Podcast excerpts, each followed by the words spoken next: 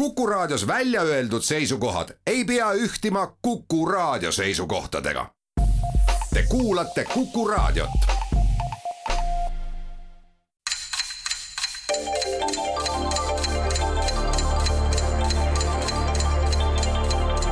tarkade klubi targemaid küsijaid toetab lisateadmistega Postimehe raamatukirjastus tere taas, Kuku raadio Tarkade klubi tervitab häid kuulajaid mitte nii väga lõputu küünlakuu arvult kolmandal laupäeval, mis üksiti ka küünlapäevaks veevalaja tähtkujule, kui keegi nüüd peaks veidi konstellaarsemat huvi üles näitama on mõnes mõttes kaunis aeg, mis pakub juba väljakutseid kergalumiiniumist valimistelkide aina kulunumatele liigendmehhanismidele ja veel enam väljakutseid nende mehhanismide käitlejatele, kes ilmselt kirudes ebakindlat ilma juba tuhandendat korda lihasmällu sööbinud liigutuste järgi telgi jalga õigesse kõrgusesse üritavad lükata takistuseks libinenud jääst, roostest ja tont teab millest ennast läbi närides. see kaunis aeg, mis nii mõnelegi plakatile juba kelmikad või vähem kelmikad vuntsid või omapoolse krõbeda kommentaari lisanud ja aeg, kui põllul olevate kandidaatide kandidaatide hääled on kähedaks kulunud räägitud kantaatidest ja printsiipidest oma valimisideid müütades mõne lutsukommi või tõhusama helkuri eest. ah jaa, Brüsseli reis on ka jõukamatel varnast võtta loosi auhinnana kallid külmetavad ja toimetavad kandidaadid, palju vastupidamist selles vahetus suhtluses, jätkuvat särasilmi nendel lõpututel kohviõhtutel kultuurimajades ja mõistlikku kulutamist kõigi keekside, tikudooside, tulede ja vilede ja Zuckerbergidelt pinna soetamisel. Nagu sissejuhatus lasi aimata, oleme demokraatia pidupäevani kukesammul lähenemas ja selle tunnistajaks on ka tänane Tarkade klubi, mis valimistsükli kolmas ja toonud täna stuudiosse mõtisklema erakondade Eesti kakssada ning parempoolsed helged pead Nende esimeste ridades on väga hea meel tervitada muhedat ettevõtjat, Tallinna linnavolikogu liiget, kandidaati number kuussada seitsekümmend üks, Tallinna kesklinna Pirita ja Lasnamäe ringkonnast, Marek Reinaasi. tere, tere, Timo, sul on õigus, mul ongi hääl kähe muuseas. ning Mareki paarilisena Kuku raadio muidu tihedat külalist, aga siin saates esimest korda üles astuvat Rahvusvahelise Kaitseuuringute Keskuse teadurit, kandidaati number seitsesada neliteist Hiiu, Lääne ja Saaremaal, Kalev Stoicescut tervist! olgu valijatele öeldud, muide täpsuse huvides, et valimiskabiini stendilt te leiate Kalevi nime eest veel ühe, mis tal on passis ja seega siis ka valimisdokumentides, ehk siis Grigore Kalev Stoicescu. värskeimat erakonda meie parlamendimaastikul, parempoolsid esindab aga kogenud mälumängusõber, Riigikogu liige, kandidaat number sada kakskümmend kaheksa Tallinnas, Nõmmel ja Mustamäel, Siim Valmar Kiisler. tere päevast! ja Siimu paarilisena ettevõtja, kandidaat number sada viisteist Tallinna kesklinnast, Lasnamäelt ja Piritalt ja räägime taas täisnimedega Tõnis Martin Kons tere päevast! suur heameel teid siin kohata ja õige varsti ka sõbralikult proovile panna. see proovilepanek seisneb täna viies teemas, millest igaühe all on kaks küsimust. teemad on valimislubadused, tunne konkurenti, Slava Ukraini, huvitavaid riigipäid ja Varia. küsijad on täna need, kes kandideerivad vaid saate lõpus esitatavale parima küsimuse auhinnale, neid on täna kaks. Kivimäe kooli ajaloo ja ühiskonnaõpetuse õpetaja Margus Pillau ja raadiokuulaja Valeri Küpsis. alustame ja teeme täna nõndaviisi, et anname uustulnukatele meie parteiskeenes ka avavaliku õiguse, nii et Tõnis ja Siim, olge hea, valige teie esimene teema. mis sulle meeldib? alustame konkurentidest. jaa, tunne konkurenti. kindlates kätes Eesti lubab üks oluline poliitiline jõud ja selle esindusfiguur oma õblukesi sõrmi sugestiivsel pilgul meditatiivselt kokku pannes. Need on kägistavad käed, lajatab üks teine poliitiline jõud rämedalt vastu distantseerume siinkohal sellistest väheviljakatest ütelustest ja küsime hoopis ühe kolmanda poliitilise jõu ja eelkõige selle ühe olulise esindusisiku kohta. kaks aastat tagasi kevadel teatas mainitud mees, et ta vabariigi presidendi ametikohale kandideerib reklaami tegi ta oma sotsiaalmeedias ning põhiliselt siiski enda kui ettevõtja töö sisu kohta. selle peasõnum oli tugevad ja hellad käed kes see poliitik või avaliku elu tegelane on, mis ta igapäevane põhitegevus nende tugevate ja hellade kätega on ning millises valimisnimekirjas seekord Riigikokku kandideerib. üleriigilises pingereas järjekorras koguni teine olles. tegelikult on ta käimasoleva, muidu suhteliselt igava kampaania käigus juba ebaproportsionaalselt palju tähelepanu pälvinud presidendiks kandideerimine tähendab, et ta oli siis ametlikult üles seatud kandidaat? ei, ei, seda nüüd mitte et ta lihtsalt ise pidas ennast ja. kandidaadiks. ka selliseid on meie seas. julge pealehakkamisega inimene järelikult. tean, et iseennast pidas kõvaks presidendikandidaadiks Aivo Peterson, kes kandideerib vasakparteis, vasakparteis, aga tema minu arust, kas tema ei ole nimekirjas number üks, tema kätest ma ei tea midagi, kes veel olid presidendi millised mehed on veel number kahed? nimekirja nüüd nii palju ei olegi ju. tegemist peab olema ka ettevõtliku inimesega, nii et see, see kindlasti kitsendab. tugevad ja hellad käed. peame vist pakkumise tegema, aga ta on erakonna nimekirjas, aa, massöör. jaa. no see Aivo Peterson oli vist massöör. täisvastus, väga tubli, see tõepoolest Aivo Peterson, Massaaž, Eestimaa Ühendatud Vasakpartei, liikumise Koos üks põhiaktiviste, üritas ühele kavandatud valimisüritusele ka Moskva Patriarhaadi Eesti Õigeusu Kirikut kaasata tulemusteta. suurepärane debüüt ja algus siin mängus, aga palun, Eesti kakssada ja mitte, et teie poleks seda vastust teadnud, reklaami vallas ikka tunned ju konkurenti ja nende võtteid no aga ma arvan, et me võtame valimislubadused, äh, vaataks need üle. jaa, loomulikult. Iisraeli riigi järjekorras teine peaminister David Ben-Gurioni järel omaaegse Vene impeeriumi Kiievi kubermangus sündinud Levi Eshkol on läinud ajalukku mitte ainult Siinai poolsaare, Jordani jõe läänekalda ja Gaza sektori ning Golani kõrgendike vallutamisega kuuepäevases sõjas aastal tuhat üheksasada kuuskümmend seitse, vaid samuti ühe lendlauseks muutunud ta spontaanselt välja öeldud fraasiga see puudutab nimelt teie valitud teemat ehk poliitilisi lubadusi. kui sellelt vasakpoolselt riigi tegelaselt aru päriti, miks ta üht järjekordset varem antud lubadust täitnud pole, kostis ta eneseõigustamiseks vastu. jah, ma andsin lubaduse, aga kolm punkti head mängijad, lõpetagegi nüüd kuuldud lause, nagu Eškol seda omal ajal väljendas. punkti anname seekord siis, kui kõnealuse fraasi sisuliselt õigesti edastate, vaimukuse eest seekord ei saa, aga kindlasti paneme vastavaid punkte või panevad teile vastavaid punkte kuulajatest valijad. meie küsijatena omakorda lubame, et originaalvastus on ka piisavalt vaimukas no nii, kuidas sul äh, Iisraeli poliitikute väljaütlemisega on lood, et äh, lööb sul kuidagi lambi põlema, et äh, mida vasakpoolne Levi Eshkol võis vabanduseks öelda, kui kõik asjad tegemata olid? no ütleme nii, et esimese asjana mulle meenus see, mis tegi nii-öelda jutumärkides nalja sakslastele aastal tuhat üheksasada nelikümmend neli, nelikümmend viis pommivarjendites Berliinis, kui neile meenus see, mida Adolf Hitler oli neile lubanud äh, enne seda, kui natsid võimule tulid valimistel kolmkümmend kolm, ütles, et andke mulle kümme aastat ja te ei tunne Berliini enam ära. andsidki talle kümme aastat ja ei tundnud Berliini enam ära, aga mida siis Iisraeli teine peaminister lubas ja ütles, et andsin lubaduse küll, aga Te ei tunne mind kümne aasta pärast ära? kõlab kuidagi nagu mitte päris äh, nii, et et, et tark juudi mees seda võiks öelda, aga prooviks nagu siis kuidagi loogiliselt välja leiutada, et äh, mida võis poliitik äh, pärast seda aga ja äh, kolme punkti asemel siis öelda, et lubadus andis, mees andis, mees võttis. on vist ka Eestis midagi sellist isegi nagu, nagu kommenteeritud, et mees annab lubaduse, mees võtab lubaduse.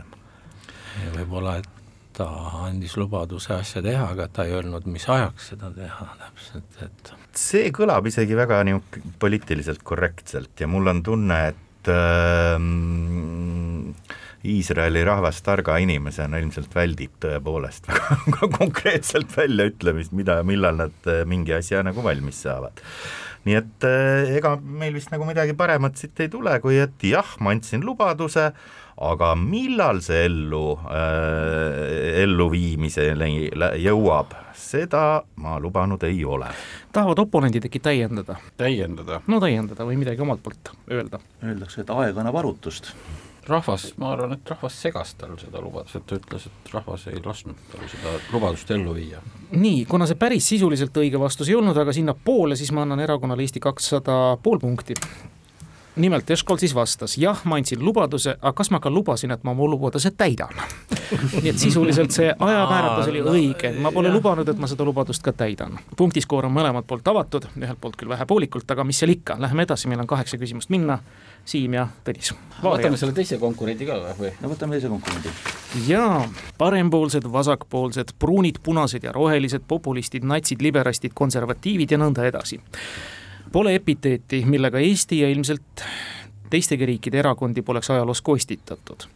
küsimegi nüüd, kas tunnete konkurenti ja üht talle pandud, omistatud kõlavat hüüdnime. Mille äsja Keskerakonda astunud anarhist ja pungiikoon Tõnu Trubetski südamest ühele erakonnale kleepis ühes mälestusväärses intervjuus aastal kaks tuhat kümme Eesti Ekspressile. nii mälestusväärses, et Keskerakond tõttas öeldud siluma, Ekspressi sõimatas, et too võtab ka ikka nüüd kõike avaldada. millise erakonna kohta ja mida konkreetselt Trubetski siis arvas? küsitava erakonna naisorganisatsioon kannab muide nimetust Kadri ja küsitav epiteet, mis muuhulgas ka Sohilast tähendab, on omal ajal saatuslikuks saanud veel ühele keskerakondlasele Jaan Kundlale.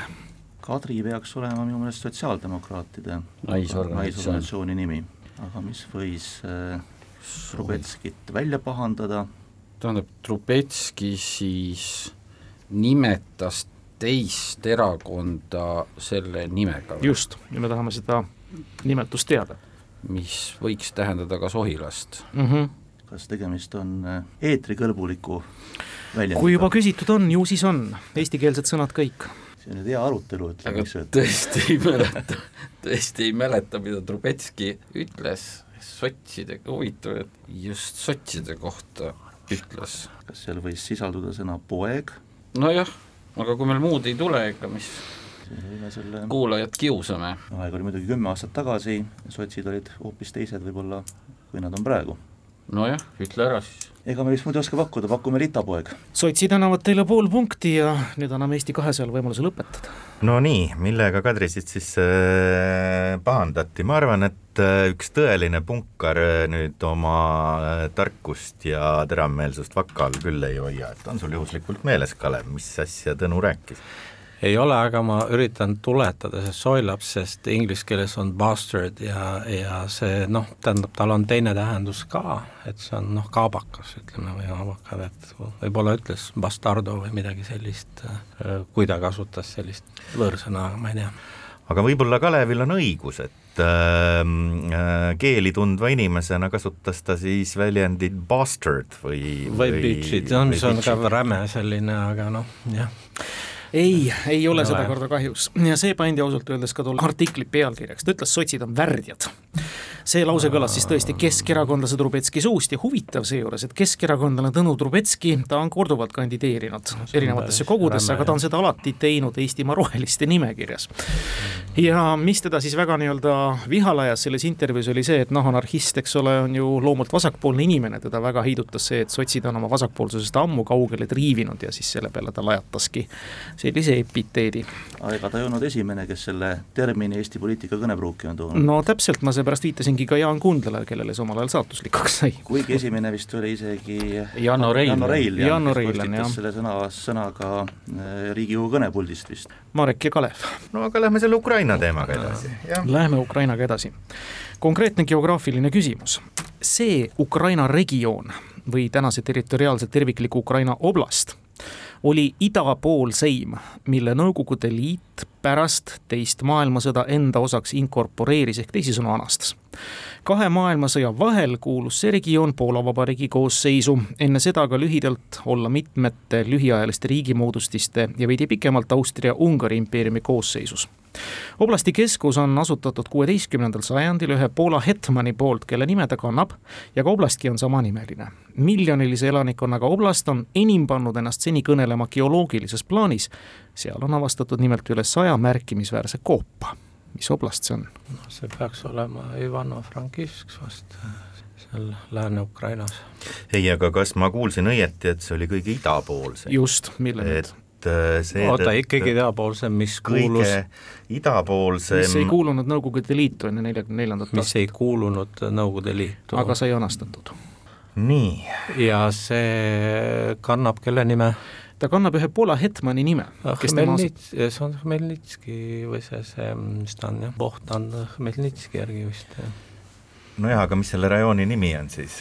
Hmelnitski oblast või? sa ennem siin mainisid Ivano-Frankovsk, mis kõlab ka peaaegu niimoodi, et see võiks mõne vapra hetmani nimi aga see olla. on äh, see ikka üsna läänes jah.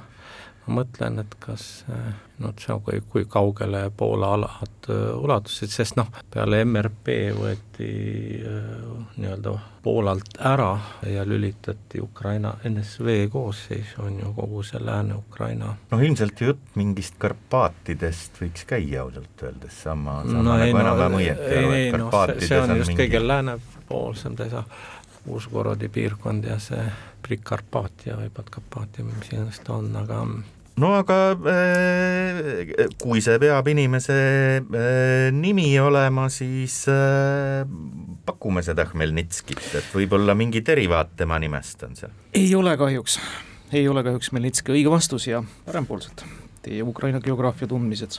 ei tea, ma olen sellega nõus, et ta peab ikkagi jah, sealt Lvivist ikka ju, ju ida pool olema. ja palju neid oblasteid seal üldse on? et see jah, see oblasti pealinn ei saa ka väga suur olla, et äh, ei oska öelda, sa oskad? jääme vist vastuse võrra. selge, siis õpime koos selgeks, et see on Ternopili oblast, ehk siis enne sõda kandis ta nime Tarnopoli oblast, Jan Tarnovski oli see Poola hetman, kes siis pani mm, linnale aluse ja maailma suurimad, Euroopa suurimad koopad on just sellest regioonist leitud. Okay. ja selle järgi on ta tuntust kogunud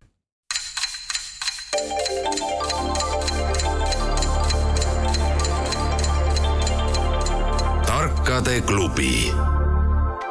targemaid küsijaid toetab lisateadmistega Postimehe raamatukirjastus. poolteist pool me jätkame üsna tasavägises vahvas seisus meie mängu. parempoolsed saavad teema valida nüüd. võtame valimislubadused. valimislubadused, suurepärane. selles küsimuses saavad kokku kokku kaks levinud valimislubadust, täpsustame Eesti levinud valimislubadust ja seda siis ühes pealkirjas milleks USA menukirjanikul Stephen Kingil valmis tuhat üheksasada üheksakümmend kuus üks menukas romaan, millest kolm aastat hiljem bändati Frank Darabondi poolt veelgi menukam mängufilm. see on siis kahesõnaline pealkiri, milles mõlemad sõnad esinevad väga tihedalt viimase paarikümne aasta vältel vist kõigi Eesti erakondade lubadustes. Kingi romaan ja Darabondi film kõnelevad aga muidugi sootukski millestki muust kui Eesti erakondade lubadused. kõnelevad millestki, mis on Eestis alates üheksakümne kaheksandast aastast keelatud. aga Eesti erakonnad niisiis paradoksaalsel kombel hoopis teises kontekstis seda kõike lubavad.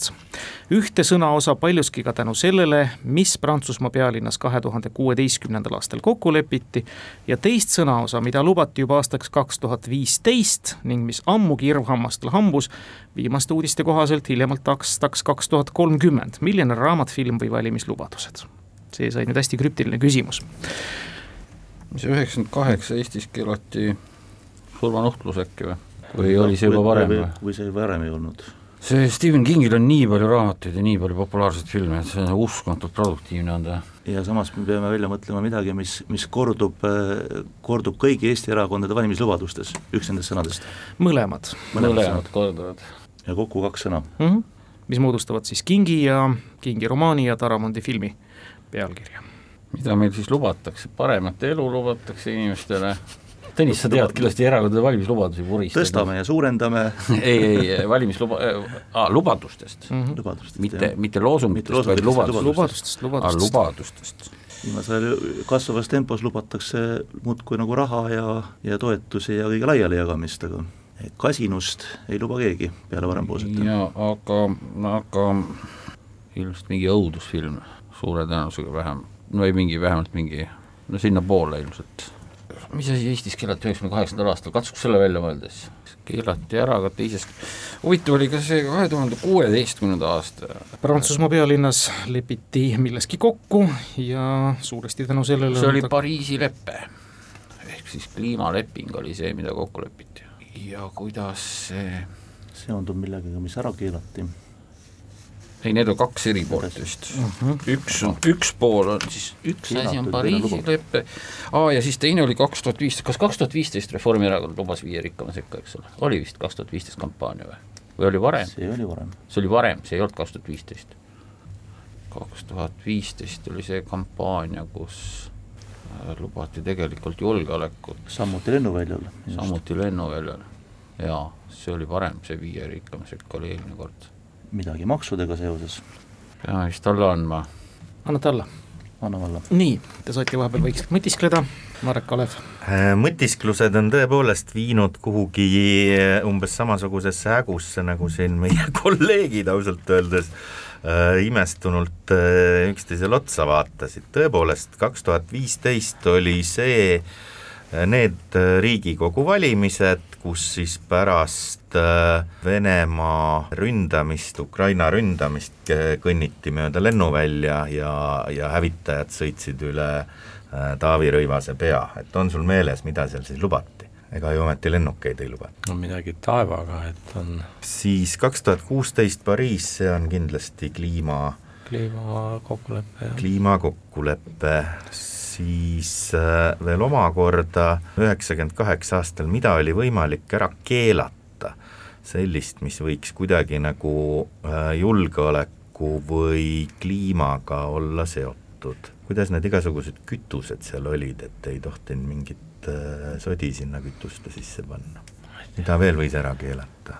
ja noh, see kõik peab lõpuks olema Stephen Kingi teos ja üldse mitte vana teos, et päris aus olla, et kui ma mõtlen kuusteist aastast no kaks sõna, mis äh, sisalduvad äh, pea kõikide erakondade valimislubadustes, neid võib olla sadu variante, ütleme noh, erinevaid, erinevad sõnad, elu, parem, maksud, noh, nimisõna, omadussõnad, noh, mis iganes, noh, neid on tegusõnad, et äh, mis sa arvad, kas lai... Stephen Kingi raamat võis olla Parem lennuk? ei võinud ilmselt, mis ta veel võis äh,, lemmikloomade surnuaed, ma ei tea esimene no, Stephen Kingi raamat, mis mul meeldib ka..., millest ka film tehti. no aga mina ei tea, ütle sina üks sõna, mina ütlen äh, äh, elu ja mida sina ütled mis sinul esimesena tuleb valimislubadustest pähe, rikkus? kõlab kui üks erakond, ei ole see on õige vastus. hakkame krüptikat arutama, Eri Küpsis võib-olla natuke siin pingutas üle selle krüptikaga tõepoolest.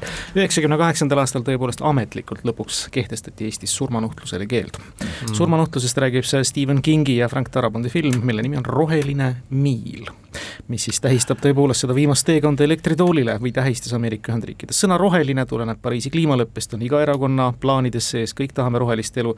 Ja see miil on viide siis viimase miili kiirele internetile, mida on aastast kaks tuhat viisteist lubatud ja lubatakse jätkuvalt edasi, nüüd juba aastani kaks tuhat kolmkümmend. ega midagi, lähme edasi, saime sellest ummikseisust üle, poole mängu peal parempoolsed poolteist, Eesti kakssada pool ja saate võimaluse nüüd teema valida. ja võtame need huvitavad ri-, riigipead olid, jah? jaa, kaugeltki mitte iga sportlase kohta ei ole sobiv rääkida anekdooti sellest, kus nad küll viibisid, kui jumal mõistust jagas.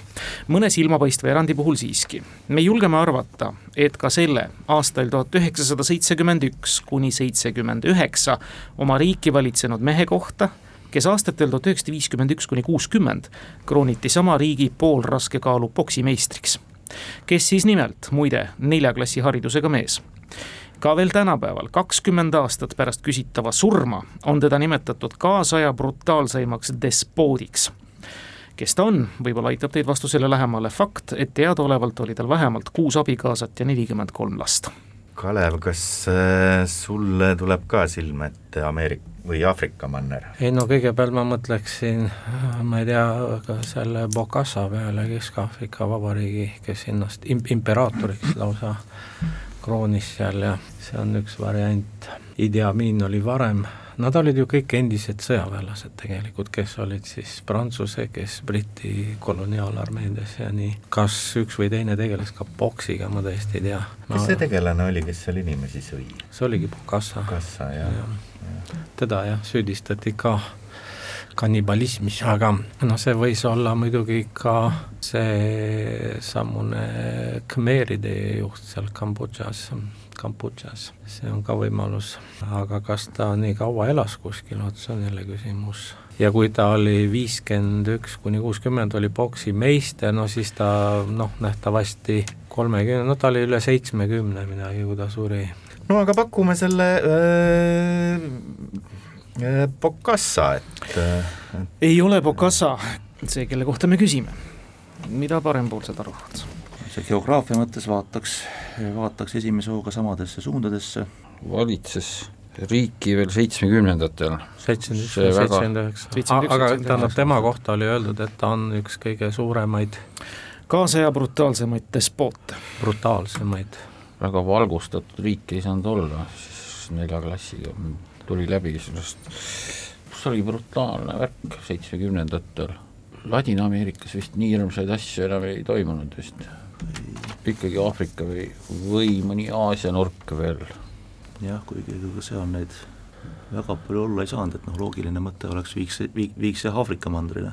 aga milline neist ei oska pakkuda, seitsmekümnendatel see, see nimi pidi ju siis tol ajal meediast päris kõvasti ka läbi käima ju. Eelduslikult jah, võib-olla just kaheksakümnendatel võidi tema veel saatusest palju rääkida. no ei tule? ei tule. selge, ja kuulame Kalevi nii-öelda punktivälist pakkumist. kas ei võinud olla Ugandas Idi Amin? oli Idi Amin, natuke hiljaks jäite selle pakkumisega, nõnda on, Idi Amin Uganda no ma olin kahe vahel ja ma ei osanud jah. oli kuulda ja tõesti, ütleme siis lauda jäänud vastus selle okay. kohta mälumängu žargoonis. aga Siim, Tõnis, teie valik Vaaria siis. võtame siis Vaaria vahelduseks, see on avamata.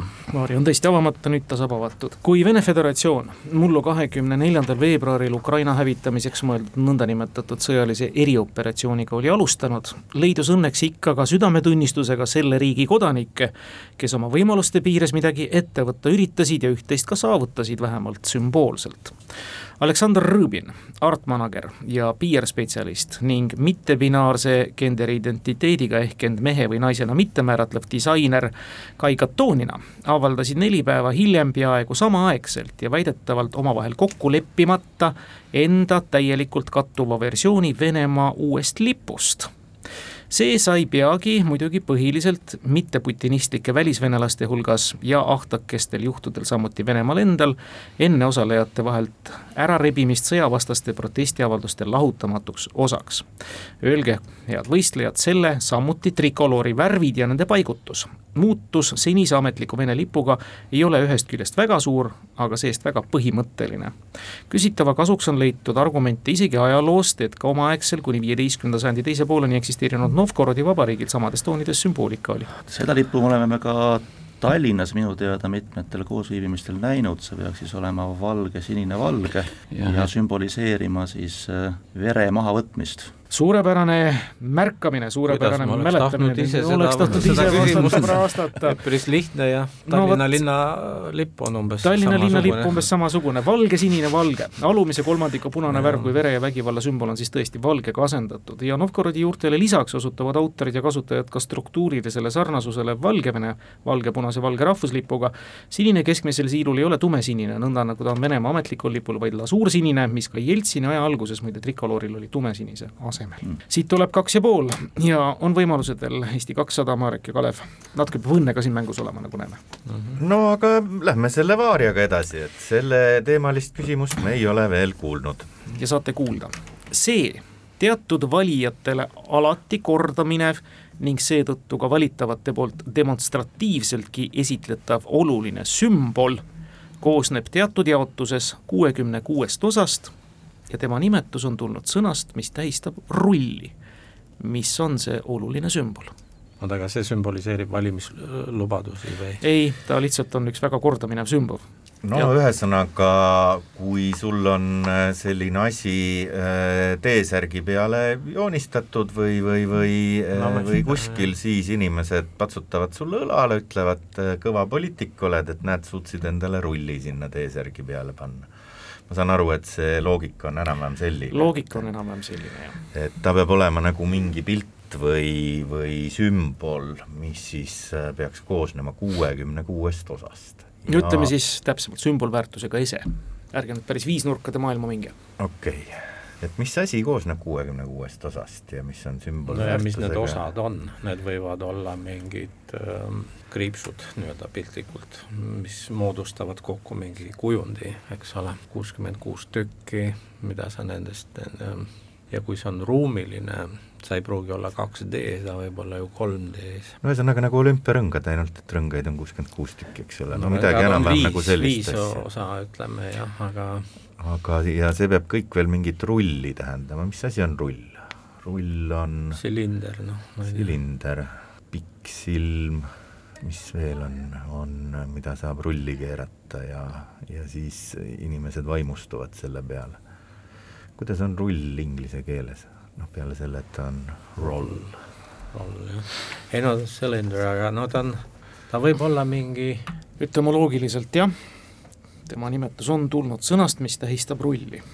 Vaata, noh huvitav kogu selle asja juures on ka see, et see äh, ese koosneb just nimelt kuuekümne kuuest osast, et noh, et ta ei teatud, saa olla teatud jaotuses Äh, ta, ta jah, ei saa olla mingi, et neid on seitsekümmend või viiskümmend, vaid noh, mingi kuuskümmend kuus on kuidagi nagu oluline, oluline number.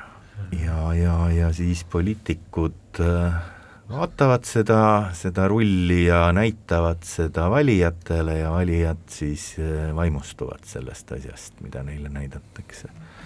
ühesõnaga, mis no küsimuses on viide teatud valijatele teatud valijad. mitte päris kõigile. aga millised meil on kuidagi teistmoodi valijad, mida me võiksime defineerida teatud valijateks? teatud valijad on mehed või naised või noored või vanad või parempoolsed, vasakpoolsed. mõtleks natuke sedamoodi, et äh, kõikvõimalikud, vaata niisugune hipiliikumine kergelt, eks ole, et äh, ja, ja noh, rohelised on ju päris palju sealt hipiliikumisest endal mingeid mingeid sümboleid ja, ja, ja asju võtnud, et üks, mis neil on, on niisugune veider müts, eks ole, siis on loomulikult kanepileht. ma just tahtsin öelda, kanepileht on siis, väga hea, sellest siis, jah, kui, kui ta on stiliseeritud, siis ta võib olla tõesti teatud valijad siis kiidavad, ütlevad, et väga äge kanepileht. või siis on stiliseeritud lumehelbeke, ma ei tea, kas sellel on kuuskümmend kuus osa. aga noh, mis, mis paganama rull see siis võib olla, noh, kanepilehte on võimalik rulli keerata, kui su peale tuleb, eks ole. Aga miks seda peaks mingitele valijatele näitama ja siis need aplodeerivad selle peale? väga keeruline, igal juhul äh, äh, kuidagi äh, aju on, aju on täiesti tühi, et äh, absoluutselt äh, jah. et mis paganama rull see võib see siis olla? mingi peen, peen mõttekäik siin aga no ütleme Kanepileht.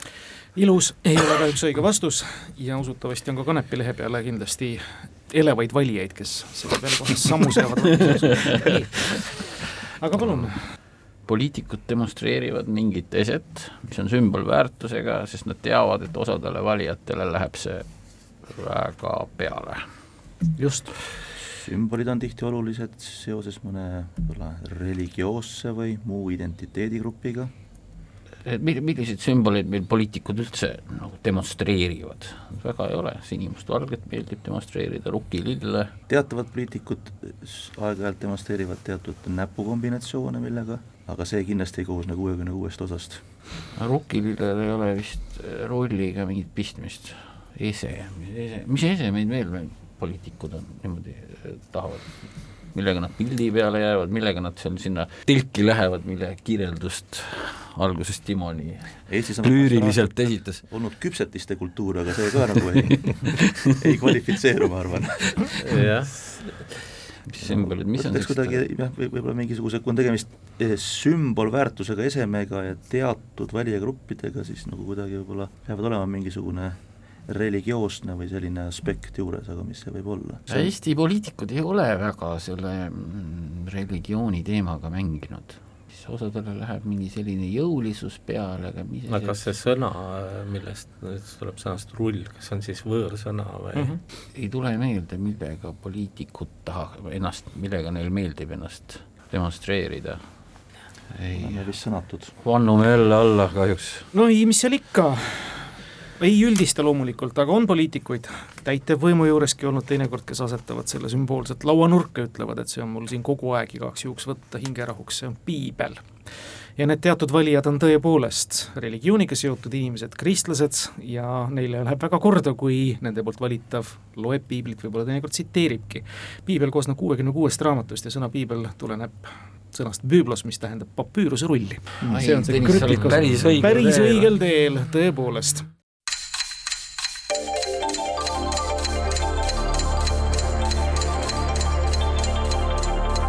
tarkade klubi. targemaid küsijaid toetab lisateadmistega Postimehe raamatukirjastus ega midagi, kaks küsimust enne lõppu, on meil kõik uksed alla ka veel sõbralikuks viigiks, nii et andkem siis tuld ja loodame, et küsimused on ka ära vastatavad. meil on siin Slava Ukraini huvitavaid riigipäid, kumma te võtate? katsetame siis Ukrainaga, Ukrainaga, katsetame Ukrainaga, Ukrainaga.. kuu aega tagasi lahkus meie hulgast Paul-Olev Mõtsküla, iseseisvuse taastamise järgse esimese ehk seitsmenda Riigikogu liige valimisliidu Eesti kodanik koosseisus, pärast siiski Isamaa fraktsiooniga koos hääletanute hulka ümber paiknenuna. Ta juhtis vahepeal ka meie parlamendi maaelukomisjoni. Mõtsküla oli mitmekülgne isiksus ja märkimisväärse osa tema pärandist moodustavad näiteks ilukirjanduse tõlked, muuhulgas isegi nõukogude aja kohta haruldaselt ukraina keelest ümberpanemised ühe niisuguse kohta me nüüd teada tahamegi. kõne all on raamat, mis ilmus aastal tuhat üheksasada seitsekümmend kuus ja mille autoriks on kirjanik Vsevolod Nestaiko, NKVD poolt mõrvatud isapoeg, kellel väikese poisina emaga koos Holodomori näljahäda eest maapiirkonnast Kiievisse pageda õnnestus. selle raamatu pealkiri on Pettu üks, originaalis Adinitsa Sabmanam, eesti keeles tuhat üheksasada kaheksakümmend üks, Mõtsküla tõlkes niisiis. Alapealkirjaks kõnealusel teosel, et see on lugu kellegi keerukast elust ja me küsime, kelle keerukast elust. konkreetset isikunime me ei küsi, samal teemaainesel on Nestaiko sulest hiljem ilmunud teinegi eesti keeles seni välja andmata teos, Pjatšorka Shvostakom antud äsja mainitud pealkirja me siinkohal tõlkima ei hakka, sest eeldame, et Eesti poliitikud Ukrainale innukalt kaasa elades samuti nende keelt juba tõnkama hakanud on, aga niisiis, kelle keerukast elust on võetud kirjutada ja siis meie poolt küsimuses austusega ära mainitud Paul-Olev Mõtsküla ka ära tõlkinud.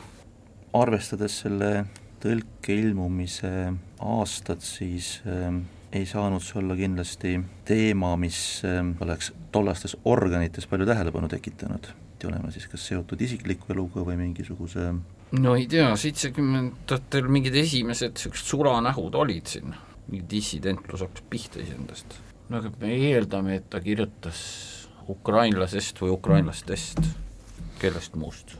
ei tea, kas ta Banderast võis kirjutada? no mingi oleks..., mingi ajaloolise asja, et no väga ega tol ajal vist eh, ju ei olnud sellist, nagu praegu Venemaa on üles kütnud sellise hüsteeria no, selle mehe aadressil. vaevalt tol perioodil oleks saanud midagi sellist avaldada, et see oleks Klavliti läbinud, et kõikvõimalik õõnestuslik kirjandus oli tol perioodil ikkagi sügavalt põrandaalune. aga mina nagu ei mäleta tollest ajast sellist mingit tohutut äh, Banderaga tegelemist, nagu Vene propaganda praegu tol ajal ta oli selline, ei olnud niisugune mingi Vene propaganda ei kasutanud teda tol ajal mingi kurjuse, kurjuse sümbol, võib-olla Ukrainas kasutas, ma muidugi ei ole nii kursis. sõltub, mida seal temast räägiti muidugi. ah, soo nime ei küsitud tegelikult. jah. jah, et siis ta, siis ta peaks olema mingi suurem üldistusaste natuke. millest võis kirjutada, perekonnast? vangidest. kellestki, pakuks, et kellestki lähedasest, aga Ukraina vähemusrahvustest, kellestki nende saatusest, aga ta pigem ise tundus mina ikkagi jul-, julgeks pigem mõelda, et see oli, pidi, pidi midagi olema sellist ohutumat ja Nõukogude korda vähem õõnestavamat, et seda oleks saanud tol perioodil avaldada. no paku ära midagi. pakume täitsa huupi. mõlemas raamatus kirjutas ühest. just. emast, kallimast. ei ole õige vastus, nii nüüd anname võimaluse. nii, küsin, tähendab, selle raamatu pealkiri on Petu üks ja mis ja. ta vene keeles oli või ukraina keeles? siin on kaks, kaks numbrit ilmselt, kes peavad meile, mis peavad meile andma nagu lahenduse sellele teemale, et see seltskond, see nii-öelda grupp seltsimehi, kui niimoodi võib öelda, sai siis äh,, oli neil mingi seos numbritega üks ja viis. Pitjorkas Vostik on muuseas, on äh, nii-öelda tõepoolest viis miinus, ehk siis see on äh, põhimõtteliselt hinne, eks ole ja Pettu üks no kõlab ka natuke hinde moodi, et põhimõtteliselt on sul võimalik saada, miks sa peaksid eh, hindeks üks saama no, veel omakorda pettusega. õpilasest või õpilastest. et kõlab jah, niisugune nagu natuke kooli moodi. täpselt Õpilase, nii, lugu koolipoiste keerukast elust, raamat räägib siis ühe kooli neljanda B-klassi õpilastest, nende rõõmudest ja muredest. nagu öeldud, viis sabaga, viis miinusega, Nestaiko oli siis Ukraina laste- ja noorsookirjanduse klassik, noh, meie Jaan Rannap piltlikult öeldes. Väga hea, te tõmbate jõudsalt lähedale ja viigi võimalust täitsa heljub õhus, Eesti kakssada poolteist punkti, parempoolsetel kaks ja pool ja viimane küsimus huvitavatest riigipeadest saab kõlama just nimelt Eesti kahesaja esindajatele. filminäitlejatest presidente on lähiajaloos teada rohkem kui üks, Ronald Reagan ja näiteks ka Volodõmõr Zelenskõi. kinolinal kuulsaks saanud inimesed on näitemängu harrastajatena tavaliselt juba maast madalast kusagil kohalikus klubis alustanud ja taoliste kohta kasutatakse sageli väljendit, et astus püünele ehk siis lavale antud küsimus on aga ühe väljaspool Euroopat asuva suveräänse riigi presidendi kohta aastatel tuhat üheksasada üheksakümmend kaheksa kuni kaks tuhat üks kelle filminäitlejana saavutatud populaarsus riigipea ametis olles korruptsioonisüüdistuste taga all kiiresti kokku sulas ning kes massiliste meeleavalduste tulemusena lõpuks ametist tagasi astus. kes ja millise riigi president? huvitav on, et tema perekonnanimi tähendabki tõlkes põhimõtteliselt lava, tuletatuna ladinakeelsest mõistest, mis mingit kõvakattega alust tähistab. Nonii, meil on siis äh, tubli Rahvateatri näitleja äh,, hiljem filmides osalenud riigipea väljaspool Euroopat, kes siis üheksakümmend kaheksa kuni kaks tuhat üks oli kusagil siis riigipeaks ja kõige lõpuks siis äh, inimesed lõid ta raudnaeltega risti tema korruptsiooni pärast. no võti on selles perekonnanimes, lava, ladina keeles ma mõtlen, et seal võivad olla etümoloogilises mõttes mitu varianti isegi, üks on stseena ja siin ja eesti keeles stseen. ei vaata, mingi kõvakattega parkett on ka, ütleme ka tegelikult selles tähenduses. tribüün nii-öelda, oskad sa mulle mõnda tribüüni nimelist äh, äh, riigijuhti öelda sealt? üheksakümmend kaheksa kuni kaks tuhat üks.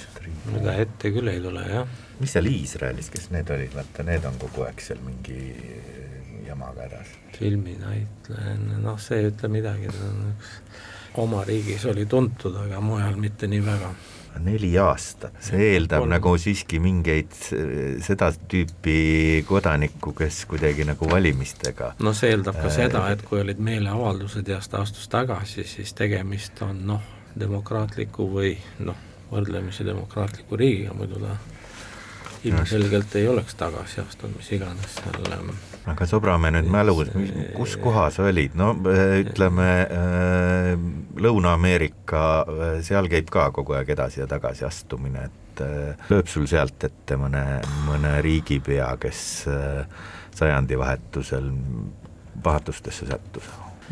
See, kas ei olnud Argentiina proua Peron äkki, see Peron on ka ju teatud mõttes nagu kõva kattega, see võib olla, sest Argentiinas oli ju vaata sellest kuulsast Peronide perekonnast ju, no pakuks seda Peroni mm.. tema minu meelest ta presidentuur lõppeski skandaaliga. kas seal ei olnud ka mingi äh,, aita meelde tuletada, vaata nad ju läksid veel rõõmsameelselt pankrotti kogu oma Argentiinaga, et oli seesama kamp või? ma ei tea, jääme selle juurde, ega ma ei oska jah, ma arvan, et pakume selle. hea pakkumine ei ole kahjuks õige vastus, nii et me ei räägi Eva Peronist. poolteist punkti on teie skoor ja väga tore. me siin natuke arutasime omavahel. nii no.? esimene mõte viib hoopis teisele poole maakera Filipiinidele ja Ferdinand Marcoseni. ei ole kahjuks see õige vastus, aga oi-oi, kui lähedal te olete, pool punkti te teenite siit juures, Filipiinidest me räägime ja see mees on Joseph Estrada mainitud ladinakeelsest sõnast stratus. Filipiinid olid siis omal ajal Hispaania koloonia, ladina keelest välja arenenud, hispaania keeles on meessõna no, oleks võinud olla leviv muusika estraadile, siis oleks kõige kiiremini ära pakkuvad või? naissoost estrada täpsemalt siis aga kõvakattega tee või autostraad, nagu ta on mitmetes keeltes tulnud. no pff, kunagi on kunagi. kolm punkti, parempoolsed poolteist, Eesti kakssada, igati aus mäng on olnud, peaaegu pooled küsimused on saanud saanud vastatud ja nagu öeldud, nüüd siis ka küsijatest valijad ootavad teie tähelepanekuid selles osas, mis täna kuuldutest parim küsimus oli? tead, mulle meeldis see äh, rulli küsimus, et ausalt öeldes äh, kohe, kui me olime oma mm, unustamatu kanepilehe välja öelnud, siis ma enam-vähem mõte liikus sinna suunda, et tegelikult ilmselt see piibel peaks olema. piibel on teiepoolne valik ja mida parempoolsed ütlevad? see Trubetski asi meeldis mulle, seda me ära ei arvanud. see, mida Trubetski ütles või? jaa, see teile meeldis ei, ei, see oli see oli hea küsimus see oli hea küsimus siis on Valeri Küpsis täna olnud esindatud teie poolt ära märgitud küsimustega, täname teda ka. suur tänu teile, Marek, Kalev, aitäh teile, Tõnis ja Siim täna tulemast, siiralt soovin edu, jõudu teile õige pea kättejõudvatel valimistel, ega kaugel pole ka enam see eelvalimise periood, nii et jõudu-jaksu selleks viimaseks pingutuseks. hoidke häält, hoidke tervist ja tervitage valijaid kõikide kuulajate poolt. Hoolega hoitud auhinnad toob kohale Smartpost Itella. Lõpetame saate nagu ikka kuulajamänguga eelmisel laupäeval lõpetas saate küsimus, kus tahtsime teada ühe konkreetset liiki süvavee kalmaari kohta, kes on oma füüsilistele omadustele kannab saksa keeles nimetust, mis pärit tuntud araabia muinasjutust ning millest hulk filme, enamasti animeversioonis on tehtud meil elavale vanemale põlvkonnale võiks olla tuntud näiteks tuhande üheksasaja kuuekümne seitsmendal aastal Boris Rõtšarevi käe all valminud linateos milline kalmaar või milline muinasjutt, kõlas küsimus.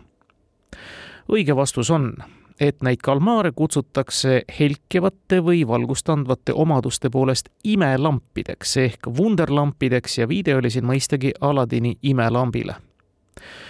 Kõige õigesti vastanute vahel naeratas loosiõnn kuulaja Lennart Lennukile. palju õnne, teiega võtame ühendust.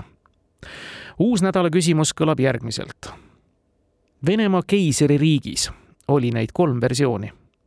täispikk, lühendatud ja lühike. Aleksander Esimese valitsemisaegadel koosnes see lühike kaheksateistkümnest sõnast. Täispikk koosnes aastal tuhat üheksasada seitseteist näiteks aga saja neljateistkümnest sõnast. kõik kolm versiooni lõppesid aga täpselt samade sõnadega, milleks olid ja muud ja muud ja muud tõlkes loomulikult. mille kohta me küsime? ootame teie vastuseid nagu ikka e-posti aadressil tarkadeklubi.kuku.ee või tavapostiga aadressil Tartu maantee kaheksakümmend Tallinn Kuku raadio Tarkade klubi. Palun lisage saates juurde ka oma kontaktandmed. samadel aadressidel on oodatud ka Kuku kuulajate küsimused saates mängivatele tarkadele. parimad küsimusedki saavad äramärkimisel premeeritud. tänaseks lõpetame, kuulmiseni